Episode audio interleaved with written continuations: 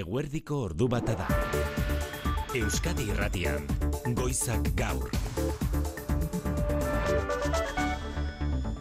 Arratsalde hon deizuela guztioi gazteen emantzipazio adina hogeita mar urtetik hogeita zortzi urtera aurreratzeko helburuz, jaularitzak emantzipa izeneko programara bideratuko dituen diru laguntzen dekretu onartu du goitzak gaur.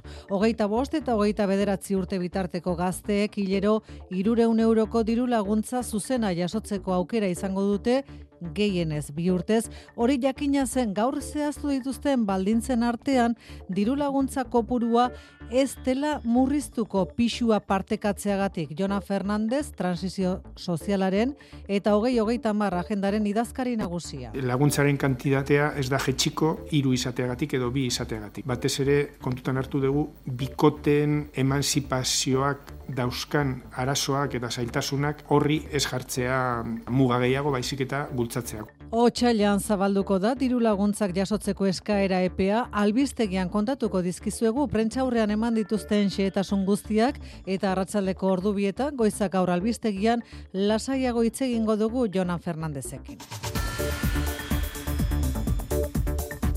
Jaurlaritza gaur jakinarazi duen bestea hortzetako osasun arreta eskaintzeko padi programa 0 eta 6 urte arteko aurrei ere eskainiko dietela osakidetzaren amairu esietan berehala xeetasunak. Eguneko gainerako lerroburuetan xikerresnal arratsaldeon. Arratsaldeon maite. Balmasedan pasaden ostiralean errezen eraikinaren egitura ez dago arriskuan, baina bizilagunek ezingo dute euren etxeetara itzuli gutxienez 6-8 hilabete barru arte. Udal teknikari uste dute eraikinaren egungo egiturari eusteko moduan izango direla, baina larriak izan dira kalte materialak eta birgaitzeak eta oroar itzuli izateko prozesuak luze joko duela iragarri du Alfonso San Vicente Balmasedako alkateak. Para largo, por lo que me han comentado con todo el tema de seguros y demás, pues probablemente 6, 8 meses. Euren etxetik joan behar izan duten, amaika familietako batzuek jada lortu dute bizileku alternatiboa eta gainerakoi laguntzeko presta saldu da udala. Bizilagunek gaur aukera izango dute euren etxea zein egoeratan gelditu den ikusi eta norberaren gauzak eh, hartzeko eta lehen ikerketen arabera baliteke sua zirkuitu labur batek eragin izana. Aktualitate politikoan iruñean une oro erasotzeari usteko esigitu dio upeneri pesenek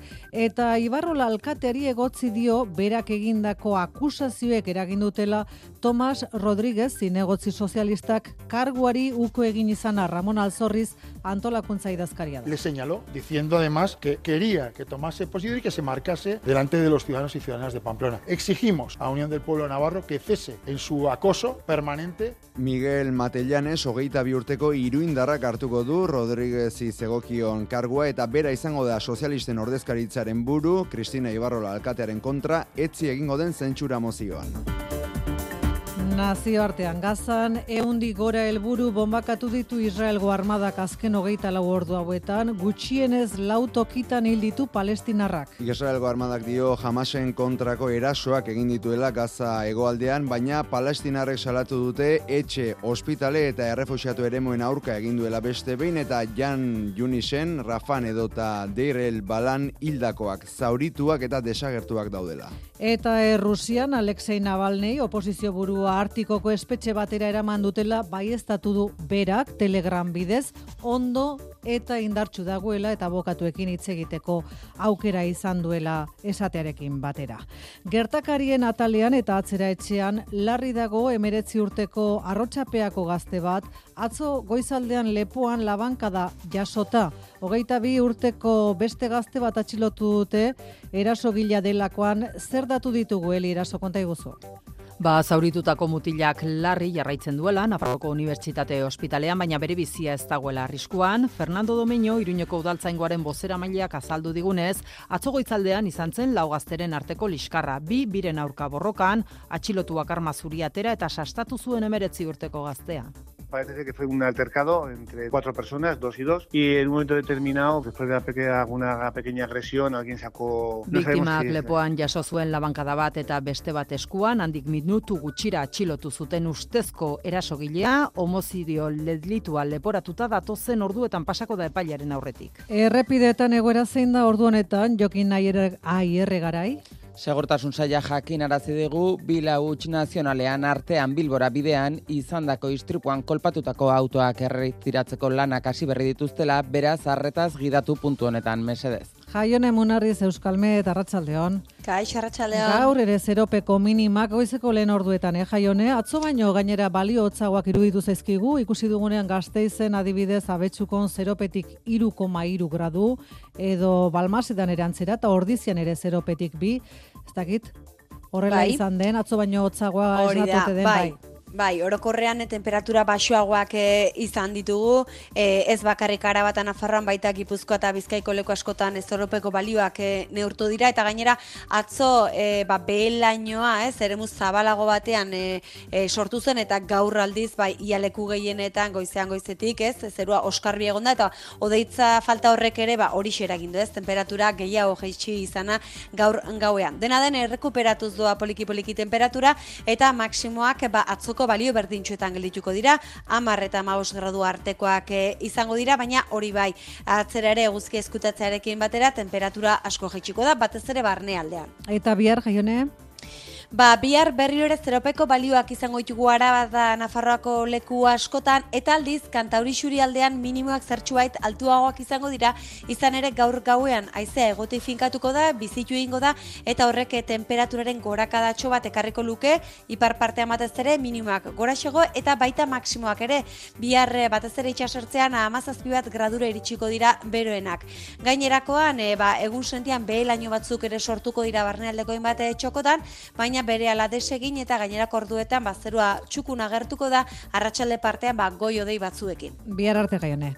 Agor. Gaztizko hotzetik babesteko behinepin, gaur goizeko amaiketatik zabalik da aur parkea, urtean eh, leku aldatuta, eh, Europa jauregian, eta pilota lekuren batean babesa ere hartu liteke, arritxu iribar arratsaldeo. Baita zuri ere eta zonolako giroa izango den, bai tolosan eta baita barainainen Atzo ere. ikusteko azen eibarko astelenan zegoena, eh? Ba gaur antzeko izango da pentsa tolosan, altunak eta hartola jokatzen dut elkarren aurka, beraz, sarrerak agortu egingo dira.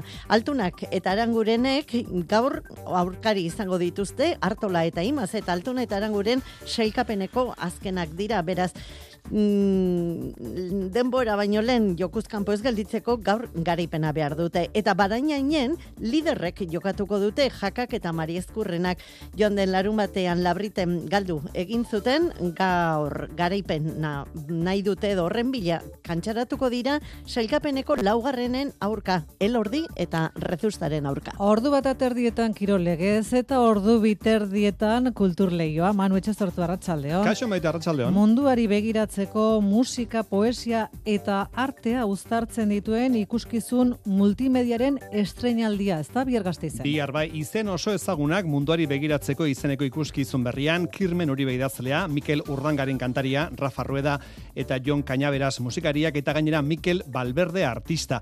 Aspaldiko ezaguna dira eta gogoan izango duzue orain dela bi hamarkada zaharregia txikia agian izeneko disko liburua argitaratu zutela elkarrekin. Proiektu berria dakarte orain eta gazteizko principala antzokian eskeniko dute estainekoz bihar. Proiektu berria, baina aurreko esperientzia aztu gabe. Kirmen Uribe. Barportoko pieza batzuk daude, zaharregia txikiagia agianeko pieza batzuk daude, jainko txikiko pieza batzuk daude, eta baita ere berriak beren beregi honetarako sortu ditugunak. Izango da alako berbizitatze kontu bat, baina baita ere ba, pieza berriak ere egongo dira, ez? Esan bezala, esteinaldea bihar gazteizen, datorren urteko martxoan Bilboko loraldian izango dira maite, eta gero New Yorkera eramango dute ikuskizuna. Ordu bata eta bederatzi minutu dira Xabi Gallastegi eta Xabi Iraola teknikan eta errealizazioan. Euskadi Irratian. Goizak gaur. Maite Artola. Badi gisa ezagutzen dugun programa 0 eta 6 urte arteko aurretara zabaltzea erabaki du osakidetzak bere esietan, erakunde sanitario integraletan alegia. Gaur egun, zazpi urtetik amabost urtera bitarteko aurrek jasotzen dute hortz eta aginetako osasunarreta osakidetzan. Esan dakoa, ate joka dugun 2008 lauan, 0 eta 6 urte bitarteko ere zabalduko zaie arreta beti ere esietan, eh? Ez dakiguna da zehazki maitan ezu bijana, ze datatik aurrera, ezta? Bai, osakidetzak datorren urtean zehar jarriko duela martxan neurria hori da esan digutena, behin esi bakoitzeko profesionalen prestakuntzak egokitzapen teknikoak eta protokoloak prestatu ostean. Padi programa da zabalduko dena, ahortzetako doako zerbitzua urtero berreun mila aurri inguru hartatzen dituen programa, orain artean zazpi eta amabost urte bitarteko aurrek jasotzen zuten zerbitzu hori, naiz eta badiren hainbat salbuespen ere, esaterako bost eta sei urteko aurrek ere, badute horretarako aukera txantxarra duten kasuetan, baita aurdun dauden emakumek ere, baina esandako aurrerantzean, adina zabaldu egingo da, eta sei urtez azpiko guztiek izango dute ahortzetako doako zerbitzu hori jasotzeko aukera. Laguntza hori, osakidetzako amairu erakunde sanitario integratuetara mugatuko da, eta momentuz ez da eskainiko norberaren oiko dentistaren arretan. Gainera, osasun zailak iragarri du, arabako herrioxako esian, hortzen arretako unitate berri bat ere sortuko dutela. Sarreran esan dizuegu bestalde, jaularitzak gaur onartu duela gazteen emantzipazio prozesua errazteko helburua duen dekretua. Hogeita bost eta hogeita bederatzi urteko gazteek, hilero, irureun euroko zuzeneko diru laguntza jasotzeko aukera izango dute, gehienez bi urtez, eskaerak egiteko epea otxailan bertan zabalduko dute, eta baldintzak xeetu dituzte gaur gobernu bilera osteko prentxaurrean zurin etxe berriak entzun ditu. Arratxaldeon zurine? Arratxaldeon zehazki otxailaren hogeian zabalduko da eskaerak aurkezeko epea eta dekretuak hainbat baldintza jasotzen ditu bai. Azteko, diru sarrerei dagokienez, hogeta bost eta hogeta bederatzi urte arteko gazteek urtean, irumila eta hogeta sortzi mila euro artekoak egiaztatu beharko dituzte, errenta aitorpena bikotearekin batera eginez gero berriz, gehienezko diru sarrerak hogeta, al, hogeta malau milakoak izan daitezke. Bestetik, Euskal Autonomia erkidegoan erroldatuta egotea ezinbestekoa izango da, gutxienez eskaera egin eta urte bete lehenagotik, edo bestela, azken amar urteetan hiru urtez jarraian erroldatuta egon direla egiaztartu beharko dute. Helburua da gazteen emantzipazioa dina, hogeta marretik, hogeta sortzi urtera murriztea zazpi urtetan, Jonan Fernandez Fernandez, trantsizio sozialaren eta hogei hogeta mar agendaren idazkari nagusia. Hau dala bi urtetako laguntza bat, konzentratzen dela bi urtetan, adin zehatz batean laguntzeko salto bat emateko, pauso bat, aurrera pauso bat emateko. Onuradunek emantzipatu direla frogatzeko kontratua aurkeztu beharko dute, gainera ohiko bizileku iraunkorra beharko du izan. Etxe bizitza partekatzen dutenen kasuan, gehienez, irukidek jasoko dute laguntza. Laguntzaren kantitatea ez da jetxiko iru izateagatik edo bi izateagatik. Batez ere, kontutan hartu dugu, bikoten emantzipazioak dauzkan arazoak eta zailtasunak horri ez jartzea muga gehiago baizik eta bultzatzeak.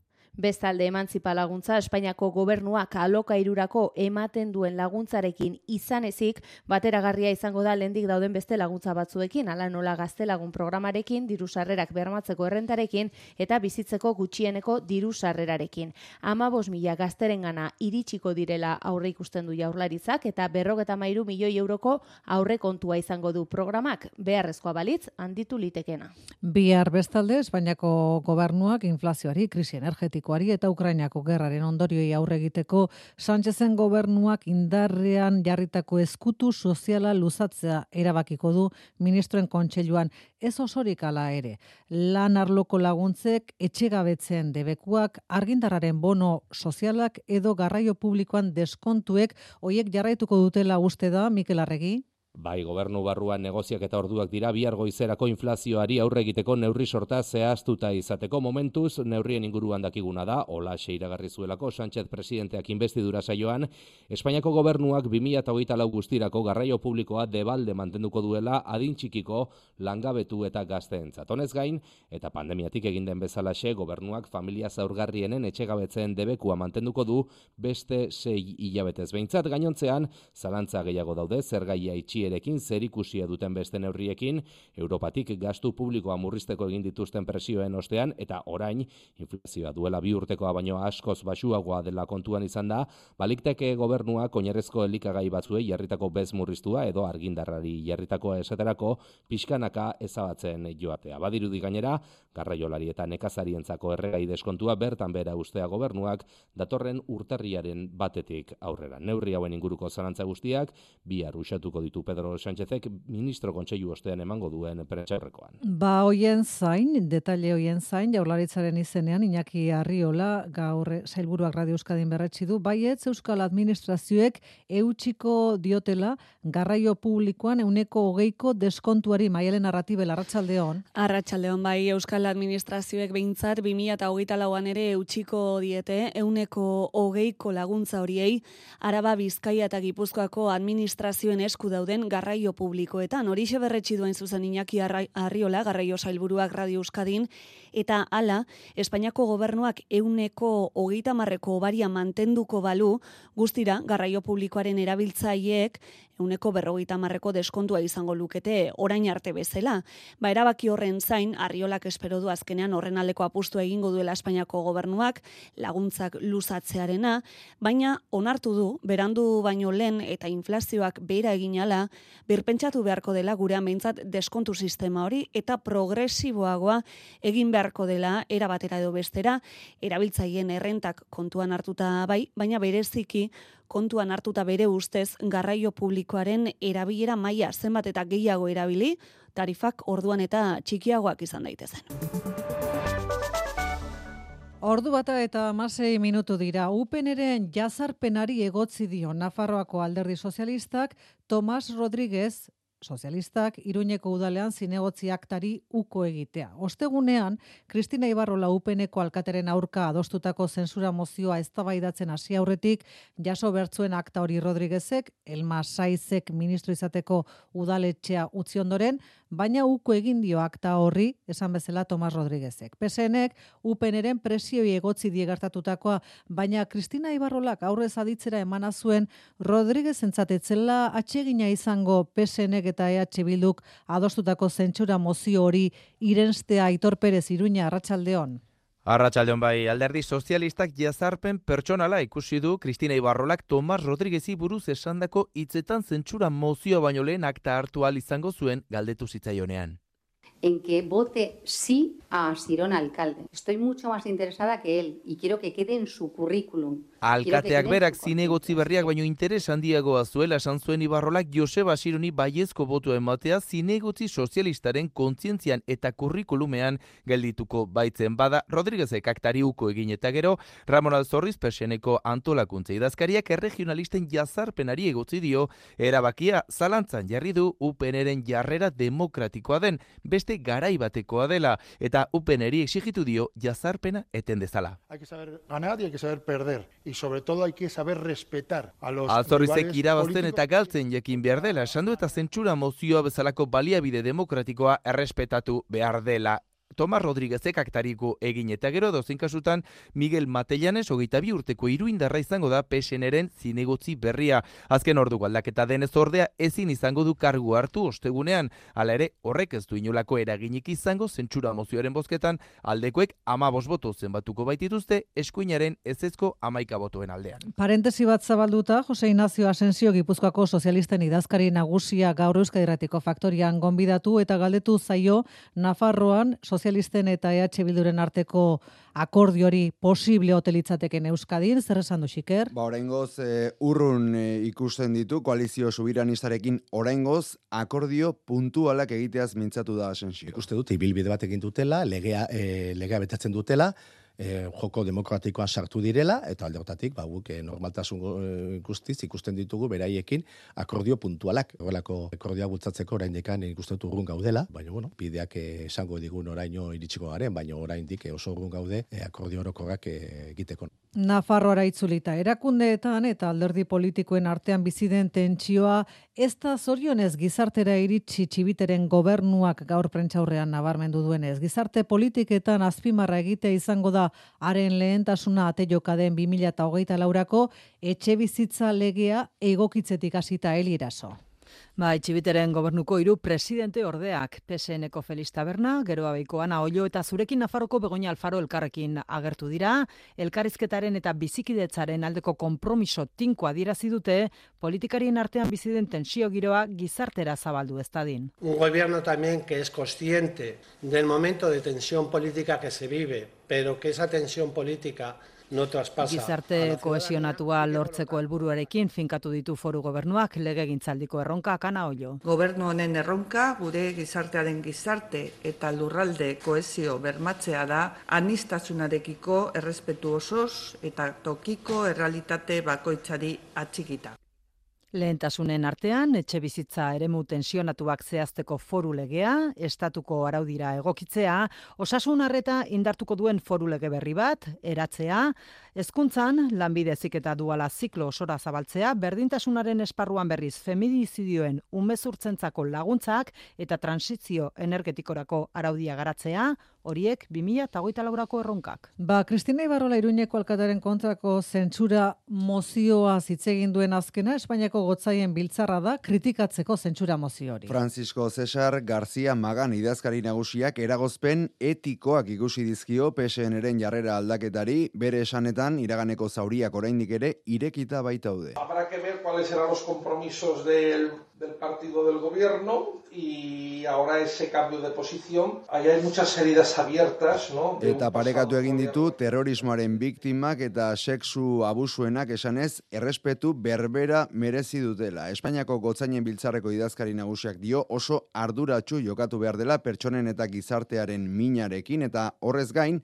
amnistia legea ere kritikatu du Espainiako gotzainen bozera maileak bere hitzetan legea errespetatzen ezpada, alternatiba tirania da, eta botere batek beste baten eskumenak urratzen dituenean, autokrazia batean bilatzeko, bilakatzeko arriskua dago. Kataluniaren atzetik Euskal Autonomia Erkidegoan izan zuen jarraipenik txikiena Espainiako erregearen gabon gaueko mezuak euneko berrogeita 6,zazpiko kuota Euskadin. Estatuko herritarren interesa ere jeitsi eginda itxuraz datu erreparatuta euneko irurogeita lauko kuota izan zuen mezuak batazbeste estatuan, edo bestela esan da 6 milioi personak entzun zuten, mezua emititu zuten hogeita mar telebista kateak aintzat hartuta gogoratu ETB batek eta bik ez zutela mezu hori zabaldu ez dakigu ondo ezkontze ote den hortaz Felipe Seigarrenaren mezuak herritarren artean izan duen estimazioak alderdi politikoek eta komunikabideek eman dioten edo eman diogun oi hartzun horrekin. Eztabaida horretatik aterata pesoek gaur kezka azaldu du bestalde hainbat udaletako osoko bilkuran bizitzen den indarkeria giroarengatik. Indarkeria izurritea zabaltzen ari dela esan du pesoek Javier Ortega Smith, boxeko bozera maleak, Mas Madrid alderdiko zinegotziari Madrilgo udaletxeko osoko bilkuran plastikoko botella batekin jo zuen, dakizuenez, baina ez da hori izan antzeko gertaera bakarra, Mikel? Azken egunotan tentsio momentu larriak izan dira Espainiako zenbait udalbatzatan. Madrilen adibidez, duela egun batzuk, boxeko Javier Ortega Esmizek mai gainean zuen ur botila irera botazion Mas Madrideko zinegotzi bati, eta Galizian, Pontevedrako kangas herrian ere. Pepeko beste zinegotzi batek aurpegian zaplastekoa emateko imintzioa egin dio pesoeko alkate ordeari honen aurrean eta bortizkeriak gora egiten duela ikusita Alfonso Gómez de Celis, kongresuko presidente ordeak Espainiako telebista publikoan esan du. Estamos muy preocupados porque parece que hubiese una epidemia de Kezkatuta violencia. daudela bere ustetan indarkeria epidemia baten aurrean gaudelako Gómez de Celisek dio eskuinak ez duela inoiz onartuko bloke aurrerakoiak gobernua osatu izana eta honi eskuin muturraren bortizkeria gehituta ondorioa udalbatzatan bizitako indarkeria dela. Pesoetik gaineratu dute elkar bizitzaren alde lan egingo dutela krispazio giroa gainditzeko. Arratsaldeko ordu bata eta hogeita hiru minutu dira. Israelgo armadaren erasoek ez dute etenik gazan, armada horrek esan du, azken hogeita lau orduetan jamasen eun helbururen aurka jo dutela. Berri emale palestinarrek berriz, etxe, eri etxe eta errefusiatu ere muen kontrako erasoak salatu dituzte Jose Juan Ugalde. UAFA albiste agentzia palestinarrak osasungintzako berrien mailak aipatuz dio, Gazako hegoaldean Jan Junisen eh, eraso gogorrak egin dituztela hegazkin Israeldarrek, eta hildakoak zaurituak eta desagertuak daudela. Gainera, hiri horretako Nasser ospitale ingurua bombardatu dute gerra hegazkinek eta ondoren tankez segitu dute Israeldarrek. Rafan eh, etxe bat eta errefusiatu eremu bat bombakatu dituzte eta Deir albala irian ere erasoak egin dituzte berri emaile palestinarren arabera. Israelek eraikin zibilak erabiltzea leporatzen dio jamasi. Armada Israeldarrak esan du, dozenaka hegazkin erabili dituztela azken orduetako erasoetan, eta jamasen eun helburu baino gehiago jo dituztela. Tunelak eta beste azpiegitura batzuk. Jan Junisen e, amar ekintzaile palestinar hil dituztela esan du Israelgo armadak eta jabalian e, lehergailu bat jartzera zijoan e, beste talde bat. Hori gazako egoaldean, iparraldean berriz, e, darak tupa herrian, jihad islamikoak erabilitako base militar bat desegin izan aipatu du armada Israeldarrak, eta armak munizioa eta leherkaria atzeman dituztela bertan. Israelek eh, ez du gazan fronte bakarra, Libanoko egoaldetik erasoka ari da ezbola talde armatu iranzale, iranzalea Israelgo iparraldera suziria jaurtiz. Gaur ere izan dira erasoak, horien artean ezbolak misil bat eh, jaurti duela egazkin baten kontra. Israeldarrek erantzun egin diote, eraso horri, ez bola alderdi miliziaren azpiegituren kontra misilak jaurtita. Eta Alexei Navalny, Errusiako opositore ezagunak ondo dagoela jakinarazi du bere azken espetxetik Errusiako agintariek artikoko espetxe batera eraman dutela bai du Navalnik hainbat asteetan desagertuta egon ostean eta sare sozialen bidez jakindu ondo dagoela. Artikoko espetxe batean indartsu eta bere abokatuarekin hitz egiteko aukera izan duela esan du. Bere bozera maleak eh, Kira Jarmisek eh, lehenago esan zuen Jamalia Nenetxia lurralde autonomoko jarpe irian aurkitu dutela eta abokatuarekin elkartzeko aukera izan duela. Orain dela hogei bat egun jakinarazi zuten eh, Navalniren gertukoek segurtasun handiko espetxe batetik atera zutela eta etzegoela bere berririk. Errusiako gobernuak kaseratik ukatu egin du dena eta nazioartetik iritsetako kritikak injerentzia hutsak izan direla salatu du. Navalny Vladimir Putinen disidentziaren eredu nagusitzat jotzen da eta justizia hainbat kasu ditu irekita bere kontra. Atzera etxean Balmasedan joan den ostiralean e, eraikin batek hartutako suaren jatorrian akats elektriko bat egon litekela ondorioztatu du udalak eta teknikariek bide batez e, birgaitze lanak tarteko diote gutxinez 8 hilabete pasa beharko dutela euren etxeetatik kanpo eraikina presaka utzi behar izan zuten amaika familiek maielen arratibel. Bai, udal teknikariek ikusi dute goiko solairuak kiskalita daudela, bertan ganberetako batean piztu omentzelako sua eta dena suntxitu duelako, baina su horrek ez du egitura bere horretan kaltetu eta beraz ez dute arriskurik ikusten zapaia edo egitura bera erortzekoa. Entzun Alfonso San Vicente alkatea. Aparentemente no corre riesgo de que se derrumbe, de que se caiga, hay mucha agua, hay mucha humedad, pero la estructura está bien. Edo zein kasutan birgaitzelanekin hasi beharko dute bizilagunek, orain udalaren laguntzarekin eta alkatearen hitzetan hitzetan gutxienez zortzi hilabete pasa beharko dira, eraikinetik presaka atera behar izan zuten amaika familiak euren etxeetara itzuli arte. Pues para largo, no sé, pero por lo que me han comentado con todo el tema de seguros y demás, Eh, Familietako batzuk dagoeneko jaso dute bizilagunen laguntza behin beineko aterperako eta gainontzekoei laguntzeko konpromiso hartu du udalak berak gaur bertan gainera txandaka eraikinera sartzeko aukera izango dute kaldetutako familiek egoera ikusteko eta behar dituzten gauzak berreskuratzeko.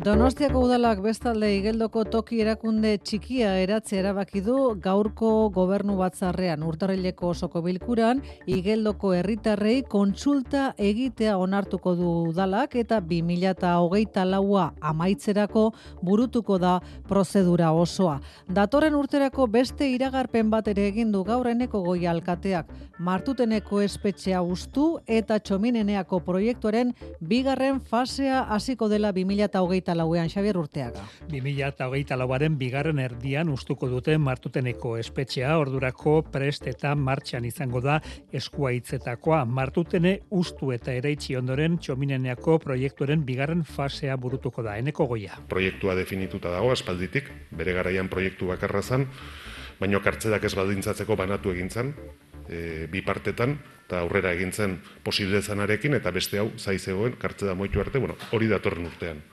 etorriko da. Donostiako udalak gaur egin du urteko azken gobernu batzarra eta igeldoko tokierakunde txikia eratzeko falta diren urratxe ekitea erabaki du. Urtarrileko osoko bilkuran hartuko da eratze erabakia eta igeldotarrei galdetzea galdereketa ez loteslea izango da eneko goia alkatea. Plenoak onartuta behin finkatu beharko dugu konsultarako eguna, hori mm, datorren urtean lehenengo erdialdean izango da, eta behin hori eginda, Gipuzkoako foru dira joango gera, eta Gipuzkoako foru aldundiari dagokio azken erabakia hartzea.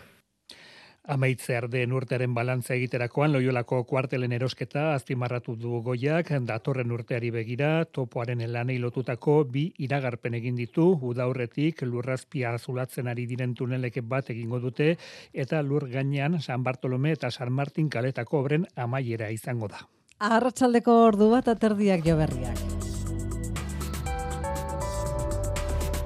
Euskadi Irratian eguraldia eta trafikoa. Errepidesaren nagusia nola dago ordu honetan Luis Eron? Arretagune bakarra daukago uneotan adi N bilau zero errepidean Bilborako noranzkoan artean istripua izan duten bilbil gaiu bidetik eramateko lanean baitira. Ez beharrean pertsona bat haren zauritu da. Hau urrengo orduetarako eguraldiaren pronostikoa Euskal Meten eskutik. Zerua Euskarri mantenduko da eta arratsaldeko lehen orduetan termometroak ba amar eta maoste gradu artean kokatuko dira, baina hori bai eguzkia eskutatzearekin batera askoztuko du eta bihar berriro ere zeropeko balioak neurtuko dira arabata nafarroako leku askotan.